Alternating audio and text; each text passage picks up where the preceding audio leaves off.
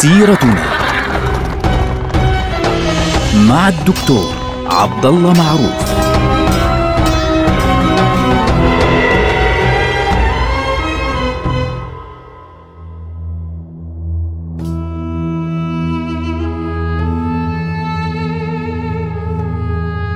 السلام عليكم ورحمة الله وبركاته. سيرتنا سيرة هذه الأمة، ونحن الآن في عهد فيه ضعف شديد للدولة العباسية وفيه يعني دولة قوية جدا في مصر وفي شمال إفريقيا تسيطر على مكة والمدينة والقدس وبلاد الشام وحتى المغرب الأقصى هي الدولة الفاطمية.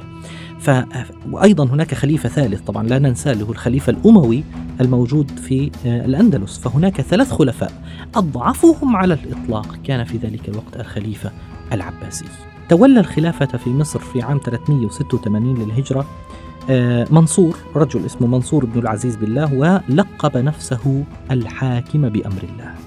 هذا الرجل من أكثر الخلفاء الفاطميين غرابة في التاريخ. يعني واحد هيك مش عارف شو بدنا نسميه مجنون مش مجنون آه الله ما نعرف شو بدنا نسميه. لكن يعني سنذكر لكم بعض يعني رواياته وبعض قصصه وبعض آثاره المهمة في التاريخ بما يتبين منه فعليا آه كم كان أثره كبيرا في التاريخ الإسلامي آه خاصة في مصر. ف يعني وصل الأمر في زمنه إنه آه يعني كانت مصر والشام والمشرق والمغرب كان فيها المذهب الذي يحكم سواء في العراق طبعا البويهيون اللي هم الاثني عشرية في كل شمال إفريقيا وفي مكة وفي المدينة وفي بلاد الشام كان يحكم الفاطميون وبالتالي كل هذه المناطق كان الشيعة هم الذي يحكمون حتى وصل الأمر يعني أنه كادت أن تقطع صلاة التراويح. بأمر من من الفاطميين من خلفاء الفاطميين الذي يهمنا هنا. الحاكم بأمر الله عندما استلم الحكم كان عمره 11 عاما. حكم هذا الرجل 25 سنة. يعتبر من أشهر خلفاء الدولة الفاطمية على الإطلاق. ليه؟ لغرابة حكمه. في بداية حكمه استعان بالكتاميين. الكتاميين اللي هم قبيلة كتامة التي أقامت الدولة مع جده الأكبر عبيد الله المهدي لأنه أول ما بدأت الدولة الفاطمية بدأت عند قبيلة كتامة في تونس لكن آه والده اللي هو العزيز بالله أضعف نفوذ الكتاميين ثم عاد الحاكم بأمر الله طبعا لصالح من؟ لصالح الفرس والترك آه ولكن الحاكم بأمر الله عاد مرة أخرى ليستعين بالكتاميين فأدى ذلك إلى ازدياد سلطتهم. كان الوزير عنده اللي هو اسمه أمين الدولة الحسن بن عمار. لكن لما ازدادت قوتهم فعليا خاف منهم الحاكم بأمر الله فأبعدهم واعتمد على الأتراك واعتمد على السودانيين. السودانيين اللي هم أهل منطقة النوبة وجنوبها. في عام 395 مثلا أمر بنقش شتائم ضد الصحابة سب الصحابة على جدران المساجد. بعدها بسنتين 397 أمر بإبطال ذلك. أنشأ في القاهرة مكتبة لتضاهي مكتبة الحكمة أو بيت الحكمة في العراق في بغداد التي أنشأها الخليفة العباسي المأمون قبل سنوات طويلة. سماها دار الحكمة لتكون هذه مكتبة كبرى وشحن فيها ما يزيد على مئتي ألف كتاب لكنه بعد ذلك أهملها فانتهت. كان يتشدد في نشر مذهبه الإسماعيلي أحيانا ثم يخفف الأمر على أهل السنة. يتشدد أحيانا ضد أهل الذمة المسيحيين واليهود. بعد ذلك يخفف عنهم ويوليهم المناصب المهمة. يعني متقلب المزاج علما أن أمه أصلا كانت مسيحية يعني أمه لم تكن مسلمة. في سنة 395 على سبيل المثال أمر بقتل عدد من أعيان المدينة من أعيان مدينة القاهرة العلماء الكبار قتلهم ضرب بضرب العنق مباشرة وأمر بقتل الكلاب في الشوارع. حتى وصل به الأمر وهذه قصة حقيقية أنه منع أهل مصر من أكل الأكلة الأشهر في مصر الملوخية. تخيل أنه واحد من يعني وصل به الأمر أنه ممنوع أكل الملوخية. أنت متخيل أنه مصر بدون ملوخية كيف بتكون؟ يعني مصر بدون ملوخية لا يصلح يعني الأمر. فكان شيئا غريبا بالنسبة لأهل مصر. في آه في سنة 398 آه صار الأمر بالنسبة للحاكم بأمر الله أنه والله انقلب على آه على المسيحيين وعلى اليهود فأمر بهدم كنيسة القيامة في مدينة القدس وأمر بهدم جميع كنائس مصر وأمر بأن يحمل المسيحيون في أعناقهم صلبانا ثقيلة جدا وأن يحمل اليهود في أعناقهم قطعا من الخشب ثقيلة حتى تبقى آه، رؤوسهم منخفضة. فجأة طبعا هدم كنيسة القيامة بالنسبة للمسيحيين كان كارثة كبرى يعني كنيسة القيامة أقدس مكان عند المسيحيين ويعني يأتيها الحجاج من كل مكان على وجه الأرض. فبالتالي هي توازي عند المسلمين توازي عند المسلمين كأن يكون أحد الناس يأمر بكل بساطة بهدم الكعبة عند المسلمين. فالمسيحيون يعني كانت صدمة عنيفة لهم. فجأة فجأة آه، أرسل الرجل مباشرة سنة 411 للهجرة. هذا الكلام سنة 395 بعد مرور 16 عاما فجأة وإذا به يطلق مرسوما آه، قال فيه أن الشعائر يعني حرة للذميين المسيحيين واليهود وسمح لهم جميعا بتجديد كنائسهم شيء في غاية الغرابة. شيء في غاية الغرابة. في نفس ذلك الوقت سنة 399 للهجرة بدأ في الأندلس في الناحية الثانية في الأندلس بدأ سلطان آه، الخلافة الأموية الثانية يضعف. فبدأ الأمويون يتفككون شيئا فشيئا وبدأت البلاد تنفصل من بين أيديهم واحدة تلو الأخرى حتى بدأت الأندلس لاحقا تدخل في مرحلة جديدة. يعني اكتملت هذه المرحلة في عام 422 اسمه يعني خلال 23 سنة تفككت الدولة الأموية في الأندلس وانقرضت نهائيا وحل محلها عصر جديد اسمه عصر ملوك الطوائف الأولى. ف نهائيا تفككت. خلاص انتهى الأمويون تماما من الحكم. يعني دولتهم الأولى سقطت في المشرق سنة 132 الهجرة دولتهم الثانية في المغرب عندما قامت على يد عبد الرحمن الداخل لم يكن خليفة لكن في سنة 300 345 تقريبا أو 350 على على خلاف. أعلنت الخلافة الأموية الثانية وبقيت حتى هذا الزمن حتى سنة 418 تقريبا حيث سقطت نهائيا وتفككت ولم يعد هناك خلافة أموية على مر التاريخ نهائيا. فهذا كان كله في نفس مرحلة الخليفة الحاكم بأمر الله اللي هو يحكم في مصر. لكن بغض النظر عن كل هذه الأحداث أخطر واحدة من من أحداث آه، حياة الحاكم بأمر الله هذا الرجل ممكن تسميه الحاكم المجنون. يعني الحاكم هذا المجنون من أخطر الأحداث في عهده كانت دعوى ألوهية الحاكم بأمر الله. طبعا من وين جاءت هذه الدعوة؟ ألوهية ألوهية حقيقة مش نبوة حتى ألوهية.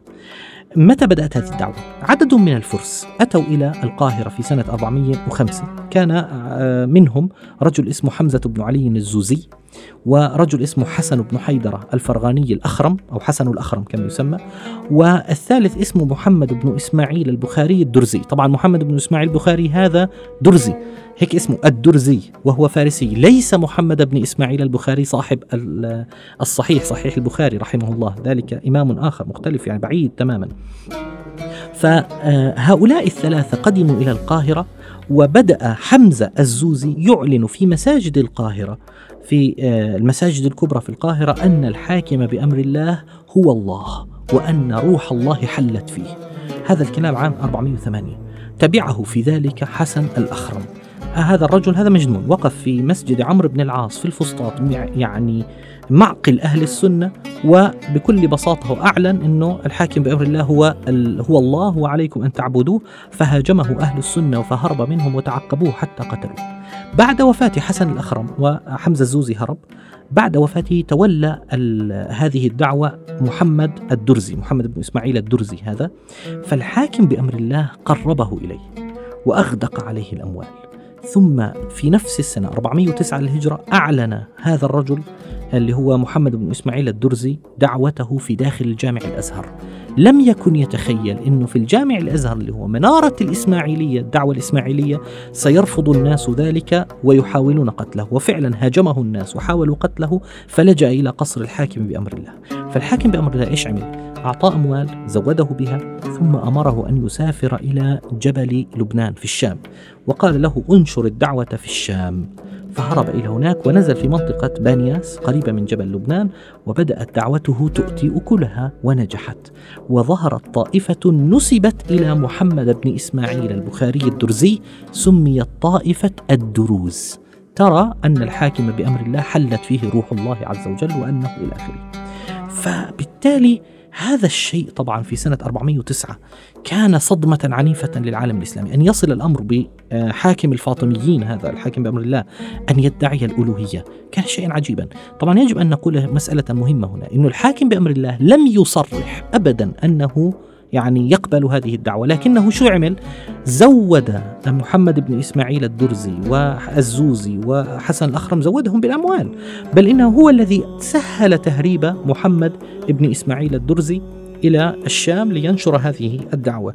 فلما رأى أنه بدأت مصر تموج وكادت تقوم ثورة تقضي على الفاطميين بسبب هذا الهوس والجنون اللي موجود عند الحاكم بأمر الله وعند الجماعة المجانين هدول عندما رأى ذلك خرج على الناس وقال أنا لم أدعو ولم أدعي أنني رب العالمين ولا شيء فتخلص من هذه الفكرة. لكن مع ذلك كانت الدروز قد بدأوا ينتشرون وكانت هذه الدعوة منتشرة في مصر حتى تخلص منها فعليا يعني وأعلن إنهاءها ابنه الظاهر لإعزاز دين الله وقال من قال بألوهية الحاكم بأمر الله قتلته. وحارب هذه الفتنة بشدة. ليس ليس تقوى وإنما خوفا على الدولة من غضب أهل مصر في ذلك الوقت. طبعا الحاكم بأمر الله طب هذا البني آدم هذا وين راح؟ وكيف يعني كيف انتهى به الأمر. بعد سنتين فقط من هذا الأمر 409 في عام 411 وتحديدا ليلة الاثنين السابع والعشرين من شوال من عام 411 خرج الحاكم بأمر الله إلى جبل المقطم اللي هو الجبل المرتفع المعروف بالقاهرة وكان مهو يعني مهووسا برصد النجوم. فتلك الليلة ليلة الاثنين 27 ما فيش فيها قمر يعني محق فأمر جنده بأن لا يخرجوا معه أبدا وخرج وحده ليستطلع النجوم وقال ابقوا هنا وانتظروني وصعد الجبل. الصباح لم يعد. الظهر لم يعد. إيه أول يوم لم يعد. أعلنت حالة الطوارئ. فبدأوا يبحثون عن الملك مسمينه خليفة. بدأوا يبحثون عنه في كل مكان. بعد ثلاثة أيام وجدوا ملابسه فقط في أحد المغاور يعني في مغارة أو كهف صغير في جبل المقطم وملابسه كانت نظيفة ليس عليها أي أثر لا ممزقة ولا شيء. واختفى الحاكم بأمر الله. من هنا الإسماعيلية بعضهم وبعض الدروز قالوا بعودة الحاكم بأمر الله. لاحظوا هو رجل ادعى الألوهية. فبعض هؤلاء استغلوا الفرصة وقالوا آه إذا هو الله وقد صعد إلى السماء وسيعود قبل يوم القيامة. يعني حاشا لله عز وجل. يعني هذا الكلام خطير. لكن الواقع المؤرخون محتارون فعليا. هو معروف إنه قتل لكن كيف؟ لا ندري. بعضهم يقول إن التي يعني قتلته فعليا ودبرت قتله هي أخته ست الملك. لأنه اتهمها آه، في عرضها فدبرت قتله كما يبدو. والمبدأ هذه من الجرائم السياسية المختفية غير معروفة الأصول في التاريخ. لم يعرف أين قبره ولم يعرف أين هو ولم يعرف من قتله. وبعد 16 سنة من مقتله ظهر رجل في الصعيد وقال أنا قتلت الحاكم بأمر الله فلم يلتفت له أحد قالوا مجنون. فلا ندري بالضبط متى كيف قتل الحاكم بأمر الله. حتى إنه بعض النظريات بتقول إنه هو أخفى نفسه على أساس يعني يعطي نفسه هالة من الجلالة والعظمة. هذا الجنون الذي فعله يعني الذي حدث آه، في عهد الحاكم بأمر الله كان واضح إنه سيؤدي إلى يعني خراب ودمار فعليا لهذه الدولة. يعني الحاكم بأمر الله من القصص المهمة جدا في تاريخنا دراسته مع أنه موشش بين قوسين يعني زي ما إحنا بنحكي بالعامية لكنه دراسته فعلا مهمة في التاريخ. نلقاكم على خير والسلام عليكم ورحمة الله وبركاته.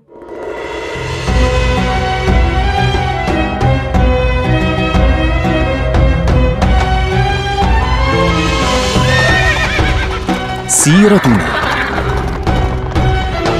مع الدكتور عبد الله معروف.